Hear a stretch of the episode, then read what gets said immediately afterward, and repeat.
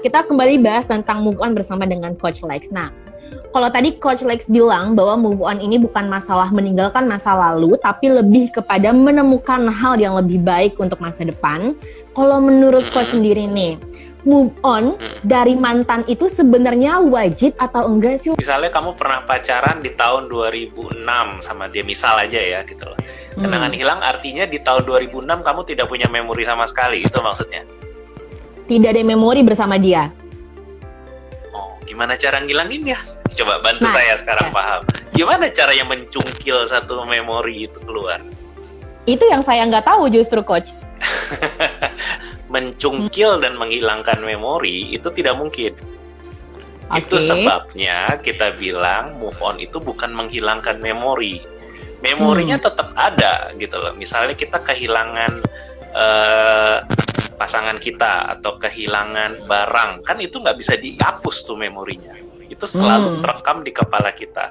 Yang arti move on yang baik kalau maju ke depan walaupun masih kelihatan di belakang gitu loh. Nah, move on itu artinya tidak sakit lagi.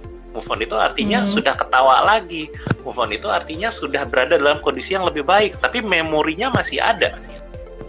Gitu loh. Okay. Jadi itu sebabnya kalau misalnya tadi Sarah bilang melupakan memori itu, itu mustahil kecuali diketuk palanya gitu loh dijedotin ke tembok which is jangan ya jangan lakukan seperti itu ya.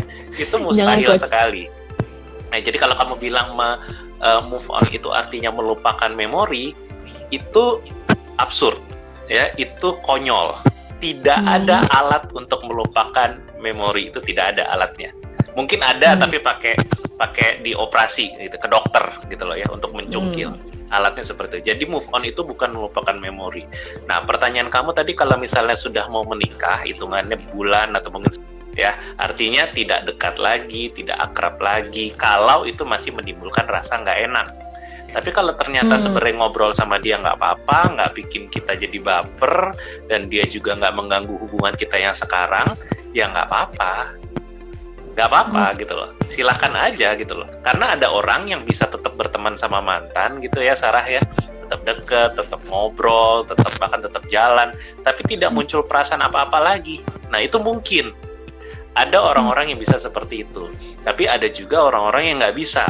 Artinya kalau setiap lihat dia lagi, ngobrol sama dia lagi, itu langsung muncul rasa-rasa nggak enak. Nah kalau yang kayak gitu-gitu sebaiknya sih jangan deket lagi gitu loh, hmm. ya jangan deket lagi.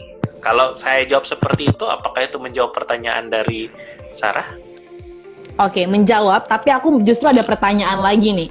Tadi uh, coach bilang adalah kita boleh ketemu asalkan kita masih merasa nyaman satu sama lain gitu. Uh, kalau misalnya case-nya adalah saya uh, apa ya, ketika melihat dia, saya masih ngerasa ada sesuatu yang menjanggal gitu. Itu gimana ya coach cara ngilanginnya? Oke, saya masih tanya lagi karena ini contohnya dari kamu ya. Yang men mengganjal itu misalnya apa atau contohnya apa? Mengganjalnya adalah ketika saya melihat dia, saya jadi ingat lagi, oh oke okay, dulu saya sama dia pernah ke sini, saya dulu sama dia pernah punya hubungan ini. Itu berarti saya belum move on dong ya? Siapa yang bilang? Siapa yang ngajarin? nah, saya mau belajar nih makanya sekarang nih. Ya, kamu masih ingat gak namanya siapa? Yang kedua sebut. tuh Oke. Okay. Gak usah sebut, nggak usah sebut. Masih ingat gak namanya? Uh, masih ingat. Yang pertama ya coach ya, oh. ya, masih ingat. Iya. Yang kedua, yang kedua. Yang kedua aku ya harus dipikir-pikir nih jujur aja ya. Aku nggak begitu ya, ingat ya, namanya. Ya. Masih ingat tapi? Iya, kalau aku pikir lagi nggak, tapi nggak langsung spontan. Eh, aku inget gitu. Yes, berarti masih inget kan? Memorinya masih ada kan? Ah. Hmm, oke okay, oke. Okay. Kamu ingat pernah chattingan dan teleponan sama dia? Oh iya, ingat. Ingat kan? Nah, kamu tadi bilang katanya udah move on. Tapi ternyata kamu bisa ingat kenal di mana, chattingan apa, putusnya kenapa. Jadi kamu bohong dong kalau gitu. Berarti kamu kalau bilang misalnya... tadi katanya kalau move on artinya sudah lupa total. Oke. Okay. Nangkep gak maksud saya, Sarah? Ya. Jadi move on itu tidak ada hubungannya sama lupa. Oh, I see. Tidak ada hubungannya sama lupa. Oke. Okay. Ya. Nah, jadi kalau kalau kamu atau atau remaja-remaja lain, pemuda Indonesia lain menganggap move on itu artinya lupa, kacau hmm. kalian. Kalian nggak akan pernah move on. Karena patokan dari move on itu bukannya lupa. Hmm. Patokan dari move on itu adalah sudah bahagia lagi. Bahagia lagi itu bisa berarti single atau punya pasangan atau sudah menikah terserah lah apa gitu loh. Ya, jadi bukan karena kita melupakan dia. Ya, sampai sini dulu. Uh, Sarah tangkap maksud saya. Oke. Okay. Oke, okay, nah, coba coach. apa aku... yang apa yang apa yang Sarah tangkap dari penjelasan saya tadi? Silakan. Jadi aku belum bisa di, uh, aku bisa dibilang move on walaupun aku masih ada ingatan dan juga memori sama dia. Betul gitu ya coach ya? Mhm, mhm, mhm. Karena memang move on ini tidak ada hubungannya sama memori kita entah itu hilang, lupa dengan dia secara seutuhnya atau apa. Tapi yang penting bagaimana kita bisa bahagia. Mm-mm, menciptakan kebahagiaan baru, betul. Wow, oke. Okay. Ini adalah persepsi yang memang penting banget buat diluruskan. Bukan cuma buat aku pastinya, buat semua sobat siap nikah yang sekarang lagi nonton juga. Thank you coach. Mm-hmm. Berarti udah deal ya bahwa memang divisi move on ini bukan soal lupa, bukan soal lupa uh, hilang ingatan atau apa, tapi lebih kepada kita mencari kebahagiaan baru di masa depan ya. Oke. Okay. Nah, Terus berarti kalau kita ngomongin nih tentang membuat sese seseorang untuk move on, berarti kan membuat orang ini untuk menemukan kebahagiaan baru. Kalau menurut Coach Lex sendiri, sebenarnya apa sih Coach hal yang bisa membuat seseorang itu susah untuk menemukan kebahagiaan baru? Um, salah satu hal yang biasanya terjadi ketika kita patah hati adalah kita berhenti bermain ya hmm. kita berhenti bekerja kita berhenti bergaul ataupun berkomunitas kita menutup diri mengurung diri dari dunia hmm. istilahnya gue lagi sakit nih gue lagi galau gue lagi patah hati jadi gue nggak uh, gue nggak nggak nggak main dulu gue nggak keluar dulu gue pengen healing dulu. Orang bilangnya kayak gitu. Jadi mereka hmm. menyendiri istilahnya masuk ke dalam sebuah gua dan nggak mau ketemu orang. Diajak jalan nggak usah dulu. Nggak lah gue lagi perlu penyembuhan diri nih dan segala macam. Nah justru itulah yang sering kali membuat orang itu nggak bisa move on nggak bisa bahagia lagi istilahnya. Karena hmm. ketika dia lagi sakit hati terus dia nggak ketemu sama orang hidupnya makin hampa. Karena orang yang patah hati tuh ngerasa gue nggak bakal bisa ketawa lagi. Nah kalau Sarah nggak ketemu sama teman yang bikin ketawa anggapan Sarah itu terbukti. Ya kan? Tuh betul kan? Gue udah dua minggu ini nggak ketawa-ketawa. Gue udah dua minggu ini nggak makan enak. Gue udah dua minggu ini nggak ketemu sama orang. Buktinya emang hidup gue hancur. Gue galau. Gue kehilangan dia.